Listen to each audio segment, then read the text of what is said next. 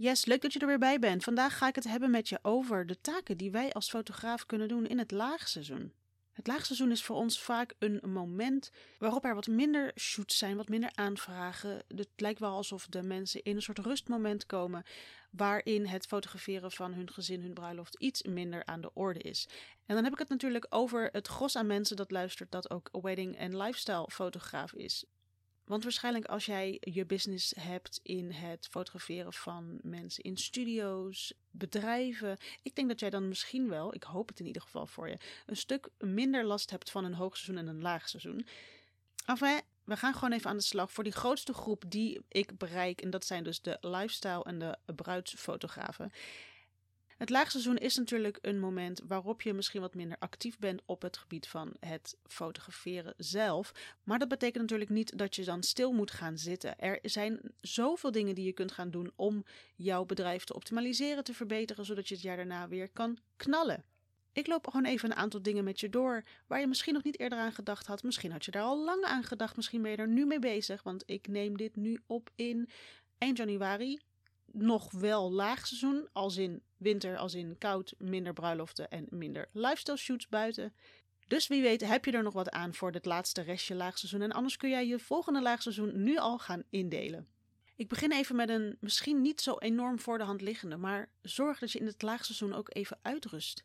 Als het goed is, en misschien is dat je droom en heb je het nu nog niet, maar we gaan er natuurlijk wel voor, is jouw hoogseizoen een enorm drukke periode. Zorg er dan ook voor dat jouw werkdruk wel in balans is gedurende het jaar. En dat komt vaak neer op een laagseizoen dat dus wat rustiger is, waarin jij gelijk wat rust kunt pakken voor jezelf. Reken dan wel heel goed uit van tevoren hoeveel rust jij kunt pakken, want wanneer je rust kun je natuurlijk geen geld verdienen. Dus zorg dan dat je in het hoogseizoen voldoende geld kunt binnenharken, zodat jij in het laagseizoen wat rustiger aan kan doen. En ik zou dit echt aanraden. Ik neem hier echt de tijd voor aan het begin van het jaar om uit te rekenen: oké, wat zou ik mezelf willen uitbetalen? Of wat heb ik nodig maandelijks? Wat heb ik dus nodig in het hoogseizoen, zodat ik ook mezelf kan uitbetalen in het laagseizoen, maar wel dus die rust kan pakken. Iets waar je misschien gedurende het hoogseizoen veel minder tijd voor hebt, is het aanpassen van je website, het updaten van je website. Hoeft niet elk jaar nodig te zijn. Ik zou je zeker wel aanraden om minstens één keer elk jaar je website grondig door te lopen en weer even kritisch te kijken naar staat alles goed? Sta ik nog wel overal achter? Zijn de foto's nog up-to-date? Wil ik nog misschien andere foto's? Heb ik betere foto's? Kan ik mijn teksten wat aanscherpen? Dat zijn namelijk dingen waar we in het hoogseizoen echt even geen tijd voor hebben om echt de rust te pakken om daarvoor te gaan zitten. En wat gebeurt er dan? We zijn zo een half jaar verder en er is niks aan veranderd. Hoeft geen probleem te zijn, maar als je er niet grondig naar kijkt, kom je ook nooit dingen tegen die wel zouden moeten veranderen. Dus sowieso goed om je website even te updaten. Als het goed is, heb je natuurlijk wel weer een hele hoop nieuwe portfolio materiaal binnengeharkt dat afgelopen hoogseizoen, waarmee jij jouw website weer kan updaten. Ik zou dat zeker wel doen. Zo hou je je website fris. Zo geef je nieuwe mensen weer de kans om nieuwe beelden van je te zien en nog, en nog meer overtuigd te raken van het feit dat ze jou moeten boeken als fotograaf. Ga dan ook, als je toch met je website bezig bent, daar staat namelijk ook jouw aanbod, jouw aanbod nog eens evalueren. Ik merk dat ik eigenlijk gedurende het jaar al een beetje merk: hey, dit zou ik toch wel anders willen doen. En dat komt dan omdat ik er in de praktijk mee bezig ben. Hè, mijn aanbod, bijvoorbeeld een aanbod met een album of zonder album. Ik merk dat daar ook verschil in zit. En ik merk dan gedurende het hoogseizoen zelf, dus als ik actief ben met het uitvoeren van mijn aanbod, dat ik al een beetje neig naar: hey, dit wil ik misschien wel anders gaan doen. En dat heeft te maken met wat mijn klanten graag willen, maar dat heeft ook heel erg te maken met wat bij mij past en met wat ik eigenlijk graag wil. Wat ik dan vervolgens doe, is dat alle geboekte sessies, die maak ik gewoon af zoals ze staan. Maar het eerste moment dat ik uh, de rust kan pakken om hierover na te denken, en dat is dan vaak bij het binnenkomen van het laagseizoen, ga ik hier echt bewust voor zitten. Sta ik nog achter mijn aanbod? Wil ik het inhoudelijk veranderen? Wil ik van pakketten af? Wil ik nieuwe pakketten erbij? Wil ik geen pakketten meer? Wil ik één vaste prijs? Nou, ga zo maar door. Ik merk dus heel erg dat ik daar gedurende het jaar al een bepaalde visie of een bepaalde verandering uh, in het vooruitzicht voor heb. En die ga ik dan uitwerken in het naseizoen, zodat ik mijn aanbod weer kan aanscherpen en zodat het ook weer past bij het volgende seizoen. Zodat ik er eigenlijk niet te laat achter kom dat het niet meer past bij mijn manier van werken. Passend uh, bij het aanpassen eventueel van jouw aanbod is natuurlijk het evalueren van je prijzen. In deze tijden, en dan heb ik het over de tijden in 2024, jongens, alles wordt nog steeds duurder. Af en toe zakt er iets, maar over het algemeen zijn we nog steeds veel duurder uit dan drie, vier, vijf jaar geleden. Dat betekent dat jouw prijzen, als het goed is, al een keer behoorlijk verhoogd moeten zijn geweest. Maar kijk hier ook weer naar. Mensen in loondienst hebben ook weer een procentuele verhoging van enorm veel soms uh, gehad. En wij ZZP'ers hebben dat niet standaard. Wij moeten dat voor onszelf regelen. Ga nog een keer na of jouw prijzen passen bij jouw aanbod en of het past bij wat jij nodig hebt.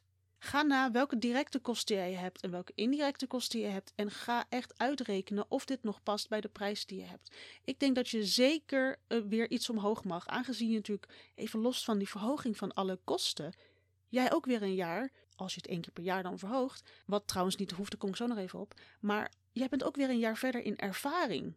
Jouw expertise is weer toegenomen. Dat betekent dat jij meer weet, meer kunt. En dat betekent dat je dus meer mag vragen. Beslis vooral zelf of je dit doet of niet. Maar ik heb uh, ook bijvoorbeeld in het opbouwen van mijn bruidsfotografie aanbod ben ik begonnen als beginnend bruidsfotograaf natuurlijk met prijzen van ik weet het eventjes niet meer uit mijn hoofd, maar met lagere prijzen, passend bij mijn ervaring. En ik heb niet, in dat geval heb ik niet een jaar gewacht met het verhogen van die prijzen, maar ik heb om de drie bruiloften die geboekt werden, heb ik mijn prijs toen met een paar honderd euro, dat gaat natuurlijk wat harder in de grote pakketten van de bruidsfotografiewereld, heb ik die verhoogd. Dus zoek daar zeker een passende werkwijze in voor jezelf. Maar feit blijft dat in het laagseizoen jij prima nog even die prijzen kan evalueren. Zelfs al heb je dat laatst al gedaan, bijvoorbeeld het verhogen van je prijs in de zomer of zo. Het is altijd een goed moment om er bewust bij stil te staan, omdat je puur de tijd ervoor hebt om er echt goed over na te denken. Als je lekker bezig bent in het hoogseizoen, komen er vast wel enorm veel ideeën in je kop. Ideeën voor nieuw aanbod, of een idee voor vrij werk, of een idee voor noem maar op. Het uitwerken van die ideeën wil niet altijd even goed lukken in het drukke hoogseizoen. Dus daar ook is het naseizoen enorm handig voor. En natuurlijk hangt het een beetje samen met het evalueren van je prijzen, van je aanbod, nieuwe ideeën daarin verwerken. Dat hangt allemaal een beetje samen. Maar ik wilde hem toch nog even noemen. Wat ik ook heel erg aanraad, is om het laagseizoen te gebruiken om te investeren in jezelf. En daarbij bedoel ik bijvoorbeeld als jij daar gedurende het jaar achter komt dat jij toch nog wat meer wil leren over albumdesign. Of het aansturen van mensen. Of je wil graag wetende al dat je misschien je aanbod wil veranderen, dat je ook bijvoorbeeld lifestyle shoots voor gezinnen wil gaan aanbieden. Maar hoe dan? Dat zijn bijvoorbeeld de momenten waarop je kunt gaan zoeken naar een training, een cursus, een workshop. Uh, uh, maar dat kan ook informatie zijn op, op internet, video's. Het is een mooi moment om te investeren in jezelf. En het hoeft niet gelijk met geld te zijn. Hè? Misschien denken mensen gelijk, oh investeren, oh, ik moet gelijk geld uitgeven. Dat hoeft natuurlijk niet. Je kunt ook een informatie vinden op Pinterest over het eh, over het, hetgeen dat je wil gaan leren, of wat je erbij wil gaan doen, of waar je iets meer over wilt gaan weten. Maar het puur tijd investeren in jezelf, en dat kan natuurlijk wel ook met geld, als je het dan bijvoorbeeld hebt over een workshop of een masterclass of een coaching, weet ik het. Maar daar is de tijd ontzettend goed voor. Zo gebruik je de tijd dat je misschien wat minder aan het fotograferen bent enorm efficiënt door nu jezelf weer wat te gaan bijleren of jezelf, hè, nou ja, dat investeren in jezelf. Dat is in het laagseizoen een enorm goede om te doen. Als ene laatste punt. Als laatste punt wil ik het hebben over iets wat je eigenlijk al een stukje eerder had moeten doen, mocht je het nog niet gedaan hebben op dit moment, is het induiken van je doelen en je plannen voor het volgende seizoen. Het volgende seizoen, het volgende jaar. Het ligt natuurlijk maar net aan wanneer jouw laagseizoen begint of wanneer jouw hoogseizoen zich plaatsvindt. Maar het nagaan, het duiken in je bedrijf wat betreft je doelen en plannen voor volgend jaar. Ook daarin heb je het vast ook over je aanbod en je prijzen. Maar dit gaat even nog wat groter, wat breder daarboven. Wanneer jij merkt dat je in het laagseizoen komt, en dat kun je natuurlijk altijd wel een beetje aanzien komen, dan is het tijd om te gaan denken over het volgende seizoen. En daarbij ga je het afgelopen jaar evalueren, plannen maken voor dat volgende jaar. Met al die punten die ik hiervoor ook heb genoemd, die horen daar net zo goed bij.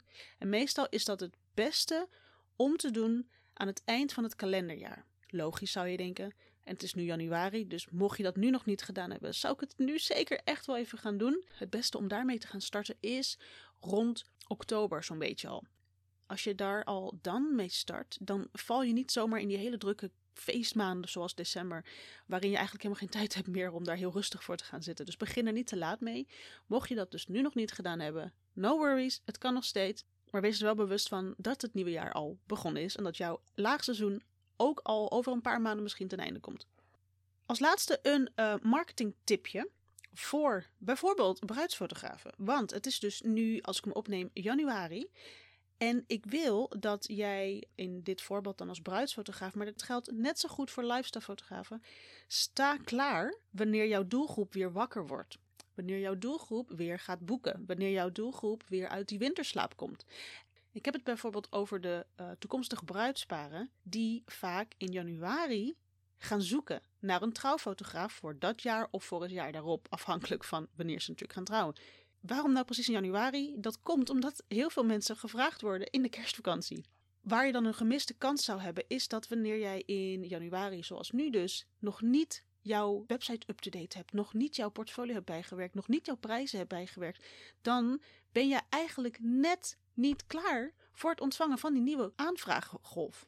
Dus zorg dat je deze taken die ik net allemaal heb benoemd in deze aflevering wel op tijd gedaan hebt, zodat je als bruidsfotograaf in januari op tijd klaar bent om die nieuwe aanvragen te ontvangen.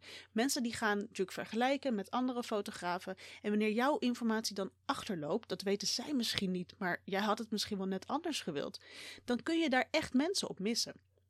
Net zo goed geldt dat voor de lifestyle fotoshoots die voornamelijk buiten plaatsvinden. Misschien met newborn natuurlijk nog steeds wat binnen. En even de newborns, die worden natuurlijk altijd wel geboren. Dus zorg dat het wel echt up-to-date is uh, gedurende het hele jaar. Maar voor de lifestyle shoots die vaak buiten zijn, maak mensen weer warm. Voor letterlijk de warme periode die eraan komt. En waarbij dus de fotoshoots buiten weer enorm gaan aantrekken.